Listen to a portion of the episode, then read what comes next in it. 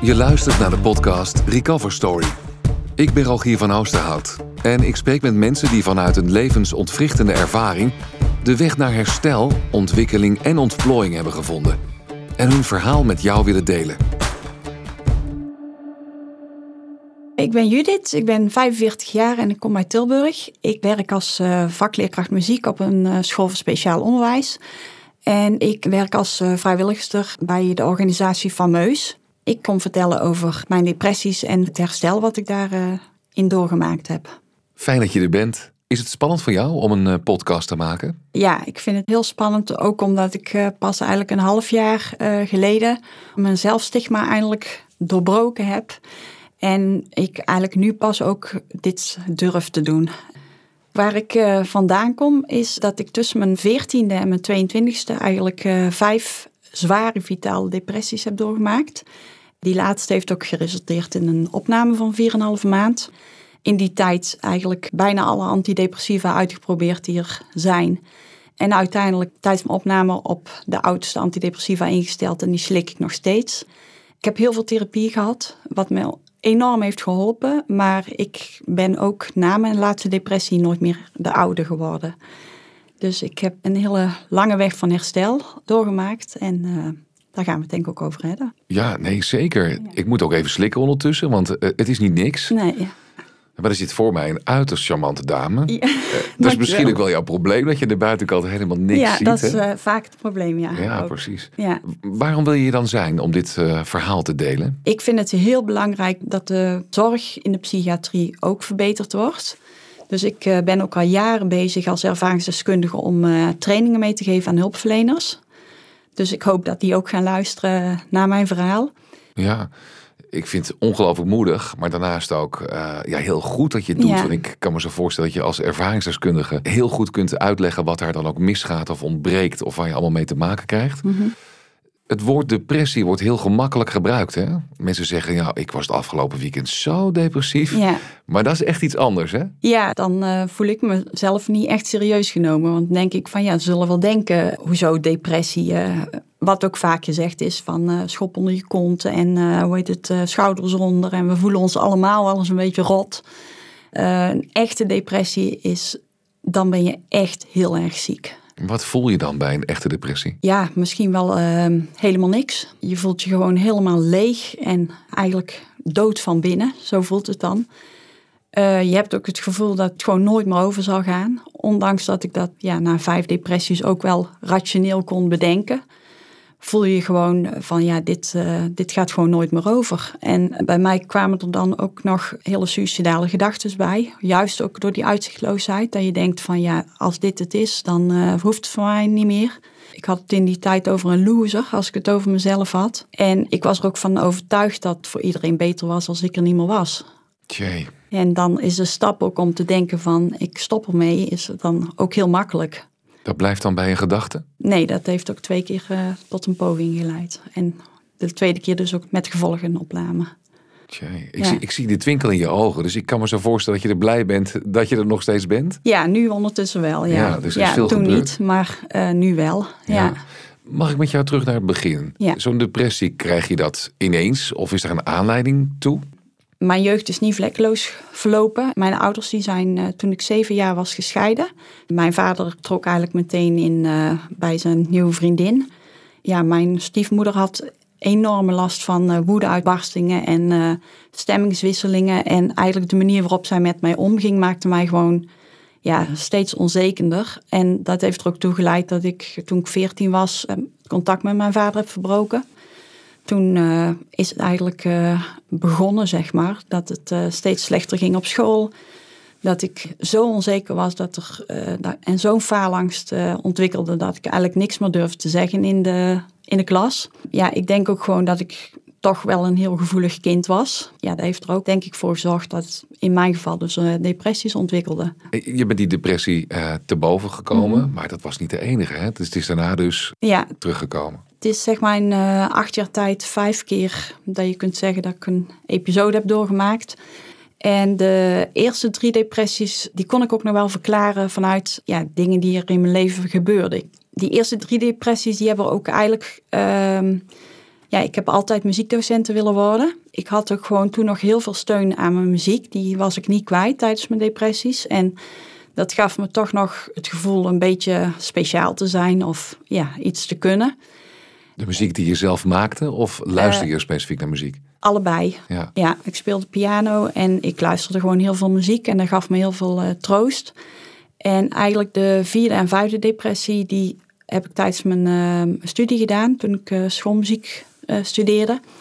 Die kwamen echt eh, op momenten dat het eigenlijk goed met me ging. Dus die kwamen echt uit het niets. Ja, eigenlijk werd ik toen in het tweede studiejaar in februari weer moe. Daar beginnen mijn depressies meestal mee. En ik dacht natuurlijk eh, van nou, misschien heb ik vijver of hard gestudeerd.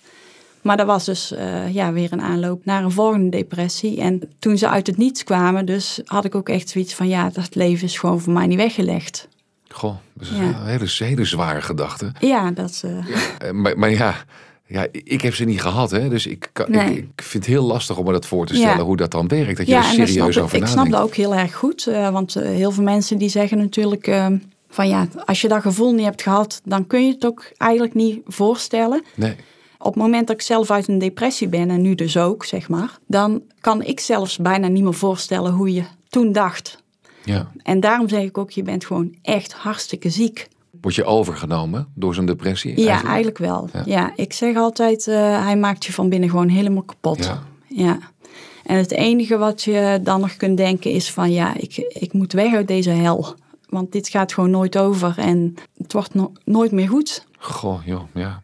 Had jij in die tijd eh, vrienden en vriendinnen om je heen? Of Ja, ik had eh, op zich gewoon hartstikke lieve vriendinnen en eh, mensen om me heen. Maar ja, ook door zo'n depressie ga je ook gewoon denken dat het ook voor iedereen die om je heen is, zeg maar, beter is als jij er niet meer bent. Daar ga je dan echt denken. je voelt jezelf een last? Ja, je, je, ik dacht echt van, wie heeft er nou iets aan dat ik nog verder leef?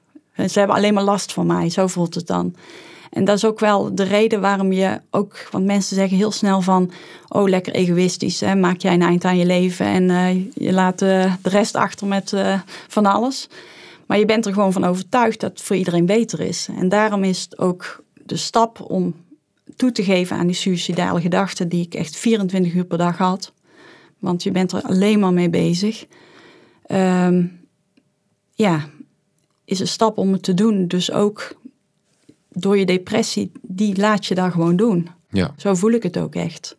Ja. Want ja, als ik ge- geen depressie heb, is geen haar op mijn hoofd die denkt van ik wil dood. Nee, ik zou het dan moeilijk vinden om een insulinespuit te zetten, zeg maar. Hè? Ja. Dus, eh, dat, dat is voor heel veel mensen ook wel lastig. ja, dat is ook. Ja. Het idee dat je jezelf pijn moet doen, Ja. zeg maar.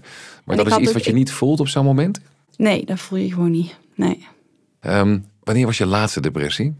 Eigenlijk op het einde van mijn derde studiejaar overleed ook een studievriendin van mij. Eh, die werd eh, aangereden en overleed. En ik denk dat dat ook wel mede toe bijgedragen heeft dat ik weer in een depressie zakte. En, en nu is het 24 jaar geleden dus eigenlijk Ja. dat je zo'n diepe depressie gehad Ja. hebt. Ja, en ik heb natuurlijk in de loop der jaren, eh, vanaf mijn laatste depressie tot eh 13 jaar geleden, therapieën gehad. Want ik wilde gewoon echt aan mezelf blijven werken totdat ik echt gelukkig was. Want ik heb wel, eh, wat ik al in het begin zei, mijn laatste depressie na die opname. En dus ook door de medicatie die ik slik, ben ik gewoon nooit meer de oude geworden. Dus ik, ik ben een heel gelukkig mens, maar ik heb echt wel beperkingen in mijn leven. En kan je daar iets over vertellen? Want, Ehm, nou, onder andere dus dat ik eh, heel snel moe ben. Dus ik slaap iedere middag. Eh wordt wel eens gezegd zo van, oh lekker kun je naar bed. maar dat soort dingen zijn leuk als je ook een keuze hebt. voor jou is noodzaak.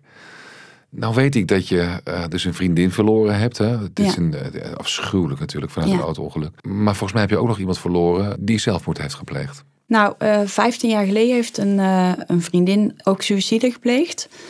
En vijf jaar, nee, ja, vijf en een half jaar geleden heb ik mijn hartsvriendinnetje, die ik eigenlijk heb leren kennen op de opname, tijdens mijn opname, dus 23 jaar geleden. Die, ehm, ja, die heeft eh, in een euthanasietraject gezeten en ik heb haar daar helemaal in eh, begeleid, van voor tot achter. En ze heeft het gelukkig ook het, eh, gekregen, de euthanasie. het was een heel zwaar jaar met haar natuurlijk. Ehm, sowieso duurt zo'n traject gewoon heel erg lang. Want je moet echt alles hebben geprobeerd voordat je dan überhaupt in aanmerking komt voor euthanasie. Maar het heeft mij ook ja, heel veel gebracht. En dat klinkt heel raar, maar ik heb zoveel uh, liefde gevoeld. De laatste jaren ook voor haar. En het feit dat ik uh, dit voor haar heb kunnen doen, is eigenlijk bij mij een knop omgegaan van Judith, je doet ertoe. Als je dit in je, ja, voor, voor iemand kunt doen, om er zo voor te zijn, dan doe je ertoe. En dat is het mooiste cadeau wat ze mij heeft kunnen geven. Ja, nou, het ruikt jou en mij ook, ja. moet ik zeggen. Ja, snap ik. Daarnaast komt ook iets uh, bij mij naar boven. Ik denk, je hebt zelf suïcidale gedachten ja. gehad. Je staat twee keer, drie keer zelfs heel dicht bij die dood op, ja. op alle mogelijke manieren. Dus voelen die drie overlijdens anders? Ja, natuurlijk. Kijk, door een ongeluk ben je dat je denkt van uh, Jezus man, waarom hè? Zo'n uh, ja, ook getalenteerd meisje die uh, prachtig piano kon spelen en net ten huwelijk was gevraagd, zielsgelukkig. En die wordt dan aangereden en het is voorbij. En ehm, een gezamenlijke vriendin van Rianne en mij, en Rianne is dus mijn hartsvriendinnetje, die was gewoon uitbehandeld, zoals ze dat zeggen. Echt alles geprobeerd. En ja, zij had uh, haar laatste hoop nog op een bepaalde therapie. Van misschien gaat dat me nog verder helpen. En eigenlijk op de dag dat ze daar een intake had en die psychiater eigenlijk doodleuk zei van nou, bij ons kun je niet terecht, want je bent veel te depressief om een therapie te volgen. Ja, is voor de trein gesprongen. Schuwelijk. Ja. Door al die deuren die dichtgaan eigenlijk. Ja. ja. Maar wat mij dan opvalt is dat je zelf, en nu, nu kijk je daarnaar, je voelt daarin mee. Maar je hebt zelf ook op het punt gestaan om dat in je eentje te doen. Hè? Ja. ja, daar heb ik dus met Rian dus dat euthanasietraject meegemaakt. Dat ik gewoon hoop dat er uh, ja, daar meer aandacht voor komt. En meer psychiaters die ook het lef hebben om dat te doen. Rouwen van iemand waar je eigenlijk al een heel jaar naartoe werkt. Want dat doe je bij euthanasie rouw je al van tevoren gewoon ontzettend lang. Dus we hebben gewoon ja, zo mooi af kunnen ronden voor Rian, mijn vriendin. Waardoor je gewoon ook op een gegeven moment gewoon echt vrede daarmee hebt. En dat heb je gewoon eigenlijk bij suïcide natuurlijk nooit. Nee, maar gaf je dat ook niet meteen inzicht? Dat je dacht van, oh, ik, ik heb ooit ook op dat punt gestaan. En nu voel ik het gewoon, hoe dat ook is. Um, het heeft mij eigenlijk alleen maar gesterkt. Dat ik denk van, ik wil gewoon dat het voor jou op een menswaardige manier kan gaan. En voor mezelf ja, was ik natuurlijk suicidaal en uh, heb ik vanuit een ziekte dat gedaan, zeg maar. Ik vind het heel bijzonder wat je zegt en zoals je het ook uitlegt. Mm -hmm. Want het geeft mij het gevoel dat je als je suicidaal bent vanuit die depressie, dat ja. je ook ziet dat die depressie zorgt voor de neiging hè, om mee te stoppen. En dat jij nu, hè, mm. uh, zo fris en gelukkig als ja. dat je nu bent, dat helemaal niet meer kunt hervoelen, misschien nee. ook wel. Nee, ik kan het bedenken van ja, toen ja, voelde ik me zo, maar het echte gevoel heb je gewoon niet meer. Dus het is ook niet raar dat mensen het niet voor kunnen stellen. Precies, ja. Zo zie je maar wat die depressie dus allemaal kan doen. Ja. Ja. ja, je bent gewoon echt heel ziek. Ja. Muziek is op een of andere manier voor jou een heel belangrijk middel tot herstel geweest, hè? Nou ja, bij de eerste drie depressies inderdaad wel. Toen uh, had ik echt uh, steun aan mijn muziek. Alleen bij de derde en vierde depressie verloor ik ook daar mijn liefde voor. En is het eigenlijk tegen me gaan keren, waardoor ik uh, alles waar ik voor leefde, en dat was muziek, ook helemaal kwijtraakte. En daar heeft er denk ik ook toe bijgedragen dat ik echt het dacht van het leven is niet weggelegd voor mij. En helaas is ook die liefde voor muziek en voor zelf muziek maken ook nooit helemaal meer teruggekomen.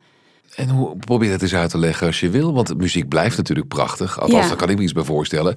Maar is het een emotie die je erbij had die je nu minder hebt? Of ja. is er sprankeling erop? Of wat is het? Het is de emotie die ik uh, niet meer bij heb, zeg maar. Het gevoel. En uh, ja, het frustreert me ook. Ik heb denk ik ook uh, door mijn medicatie gewoon... is mijn geheugen gewoon veel slechter en mijn concentratie. Dus het, ja, het, het gaat niet meer vanzelf. En uh, dat was vroeger dus wel. Dus, uh, maar ja, ik heb ook dat geaccepteerd dat ik wel gewoon heel erg uh, geniet van uh, de muzieklessen met de kinderen. En dat het voor mijzelf gewoon minder is. Ik wil het heel graag hebben met jou over je herstel. Ja. Want dat is een lange route geweest, hè? Ja, dat is een hele lange route geweest. Ik heb in totaal, uh, ja, het klinkt heel uh, bizar, maar 19 jaar therapie gehad. Verschillende soorten therapieën die me allemaal een stuk verder hebben geholpen op mijn pad. Ik had al verteld dat ik ook lichamelijk gewoon een hoop heb ingeleverd, dus heel snel moe ben. En eigenlijk 15 jaar geleden had ik toch zoiets van, ik zou, ja, ik zou graag willen sporten, maar kan ik dat wel? En toen ben ik een, een, een nieuwe sportschool ingestapt en gevraagd of ze wel eens meer uh, dat soort gevallen als ik had. Ja, eigenlijk ben ik uh, daar gaan sporten, gewoon op mijn niveau. En dat heeft ook wel echt heel veel bloed, zweet en ook heel veel tranen gegeven. Want ik kwam er toen ook echt achter van, ik ben echt beperkt daarin. Maar het heeft me ook heel erg geleerd waar dus fysiek mijn grenzen liggen. En dat ik ook ben gaan beseffen van, ja Judith, jij kunt wel uh, net doen of je net zwart kunt lopen als een 70-jarige naast je op de loopband. Dan krijg je meteen weer terugbetaald, zeg maar. En uh, dat ik echt ben gaan leren van waar liggen fysiek mijn grenzen. En dat heeft dus echt heel erg bijgedragen tot mijn herstel. Want ik weet gewoon, als ik mijn grenzen bewaak, voel ik me een heel gelukkig mens. Maar zo gauw ik daaroverheen ga, voel ik ook meteen weer die zwaarte in me, die ik ook tijdens de depressie zat. Het is het hebben en houden van die controle en regie, ja. die jou een sterk en krachtig Ja. gevoel geeft. Niet, niet eens zozeer hoe goed je conditie is, bij wijze van Nee. spreken, maar of je grip hebt. Ja, en dat je gewoon ja, steeds beter jezelf leert kennen, waardoor je ook weet wat je nodig hebt om inderdaad eh, gelukkig te blijven.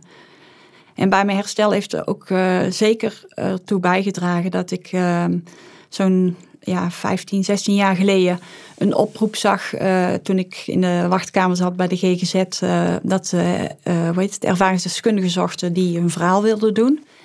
Zo ben ik bij Fameus gekomen. En daar heb ik als ervaringsdeskundige geleerd om mijn verhalen te vertellen, positieve en negatieve ervaringen in de zorg. En in de eerste jaren gaf ik dan trainingen mee waarin ik mijn verhaal vertelde aan GGZ-medewerkers. En nu de laatste vijf jaar geef ik meestal eh, eh, gastlessen over depressie en over suïcidepreventie en ook een stukje euthanasie. En dat heeft me enorm geholpen, ook in mijn herstel. Omdat ik eh, vooral tijdens mijn opname gewoon heel erg het gevoel had dat ik niet gehoord werd. En ehm, ja, toen tijdens de trainingen en ik mocht mijn verhaal doen, Had je alleen maar luisteraars? had ik alleen maar luisteren. Ja, precies. En dat heeft mij wel eh, heel veel kracht ook gegeven. En Snap ook ik. dat ik ook eh, vanuit de hulpverlening ook eh, leerde kijken van hoe hun in hun werk staan. En eh daar heeft ja, erg toe bijgedragen tot mijn herstel. Ja. En wat is er allemaal nog meer herstelbevorderend geweest voor jou die afgelopen 19 jaren? Ja, in ieder geval dat ik gewoon iedere keer de juiste mensen op mijn pad krijg die me weer verder helpen. Ja. Dat ook ik nog steeds contact heb met mijn decaan en met mijn muziekdocenten van de middelbare scholen. En, want ik ben ontzettend eh, negatief over mezelf geweest. En het feit dan dat er toch mensen zijn die, eh, ja, die er voor me willen blijven zijn, heeft mij ook gewoon enorm geholpen.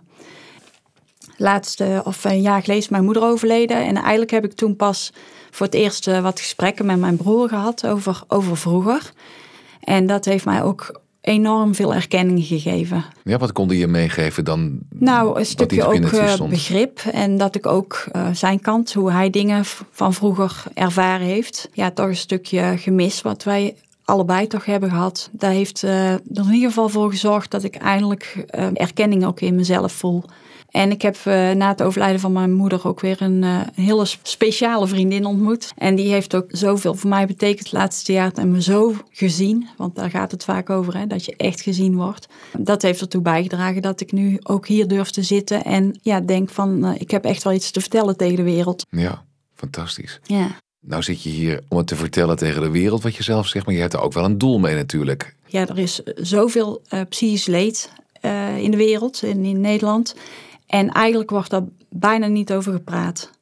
En al die mensen die niet zo mondig zijn als ik, zeg maar, die geen stem hebben om eh, zich te laten horen, hoop ik hiermee een steun in de rug te zijn en iets toe bij te dragen dat, ja, dat je gewoon open mag zijn over je eigen psychische kwetsbaarheid. En dat dat ook gezien gaat worden als een kracht. Dus ik heb eh, ontzettend veel lieve hulpverleners gehad. eh, eh, psychiaters en psychologen en maatschappelijk werkster dan. Eigenlijk was eh, bij die maatschappelijk werkster de enige moment dat ik open mocht praten over mijn suicidale gedachten. En ik ben ervan overtuigd dat dat zo helpend is dat we daar levens mee gaan redden. Dus ik wil echt tegen hulpverleners, en dat ja, probeer ik iedere keer ook duidelijk te maken van, natuurlijk, het is gewoon een ontzettend moeilijk onderwerp om aan te snijden, uh, suïcide. Maar uh, het is voor iemand die 24 uur per dag met die gedachten zit, gewoon zo helpend als iemand daar eens een keer naar vraagt. En vraagt van hoe werkt het nu in je hoofd? En, uh, want je bent gewoon zo alleen met die gedachten eigenlijk, dat het zo fijn is als je eventjes het kunt delen met iemand en daardoor lucht ook. Zonder dat het een oordeel heeft of dat je van iemand hoort van doe eens niet zo egoïstisch met dat soort gedachten. Dat. De keren dat ik dan bij mijn maatschappelijk werkster daar echt over mocht praten, ja, gaf mij gewoon weer ook uh, de ruimte om weer het even vol te houden, zeg maar. Mhm. En ik hoop gewoon als er meer openheid over komt en dat het ook een stukje taboe eraf gaat, dan denk ik dat er levens te redden zijn. Stel, ik ben depressief en ik heb het daar, ben nog met iemand over gehad. Hè? We weten dat heel veel mensen het ook lastig vinden om dat te delen. Dat geef je zelf ook aan. Wat is nou de eerste stap? Ja, toch uh, het gaan delen. En uh, begin maar met iemand uh, waarmee het meest vertrouwen in heeft. Het hoeft niet, echt niet meteen een hulpverlener te zijn. Maar het delen is helen. Ik denk als we daar opener over kunnen zijn, dat het taboe ook langzaam zal veranderen. En waardoor er ook steeds meer begrip zal komen op dit moment ben ik eigenlijk met weer een nieuwe missie bezig. Want ik ben nu eigenlijk op punt beland dat ik wil gaan proberen om ook bij mij op school in eerste instantie, maar misschien straks ook breder, dat kinderen gewoon van jongs af aan gaan leren om over een binnenkant te praten en over gevoel. En dat dat net zo normaal gaat worden als dat ze het over een gebroken pols mogen hebben in de klas. Dus dat is een missie die ik nu weer oppak en waar ik heel veel energie van krijg. En ik denk dat we daar ook weer heel veel preventief mee gaan winnen. Ik geloof erin. Ja, ik ja, ook. Zeker. Wat zou je mensen nog mee willen geven? Er ja. zitten misschien wel mensen die zich in jouw uh, klacht of historie mm herkennen. Of in je hoop, ja. hè, wat je meegeeft. Nou, ik, uh, ik hoop natuurlijk een stukje hoop mee te geven. En ook uh, te laten zien dat, ja, dat je eruit kunt komen maar wel met heel hard werken aan jezelf. Ja, dat er gewoon uh, meer openheid komt. Dat wil ik uh, meegeven. En ik hoop gewoon dat de schroom om over uh, suïcide te praten, dat die zal verminderen. Waardoor ik denk dat we levens kunnen gaan redden. Ja. Dus dat is wel mijn grootste missie, zeg maar, die ik heb. Judith, dank je wel dat je hier wilde komen praten over depressie, maar vooral je herstel. Mhm. En wat ik daaruit meeneem is eigenlijk vooral dat het niet eens gaat over het vinden van de juiste hulpverleners, maar de juiste mensen om je heen. Ja, ja. En daar zijn er veel meer van, misschien Mhm. wel. En dichterbij, Ja, en zeker. makkelijker benaderbaar. Ja, ja, Veel liefdevolle mensen. inderdaad. Dat is wat je nodig hebt. Ja. Ja. Nou, ik gun iedereen meer van jou. Ah, dat is lief. Ja, bedankt dat ik hier mijn verhaal mocht doen. Jij bedankt. Dit was Recover Story.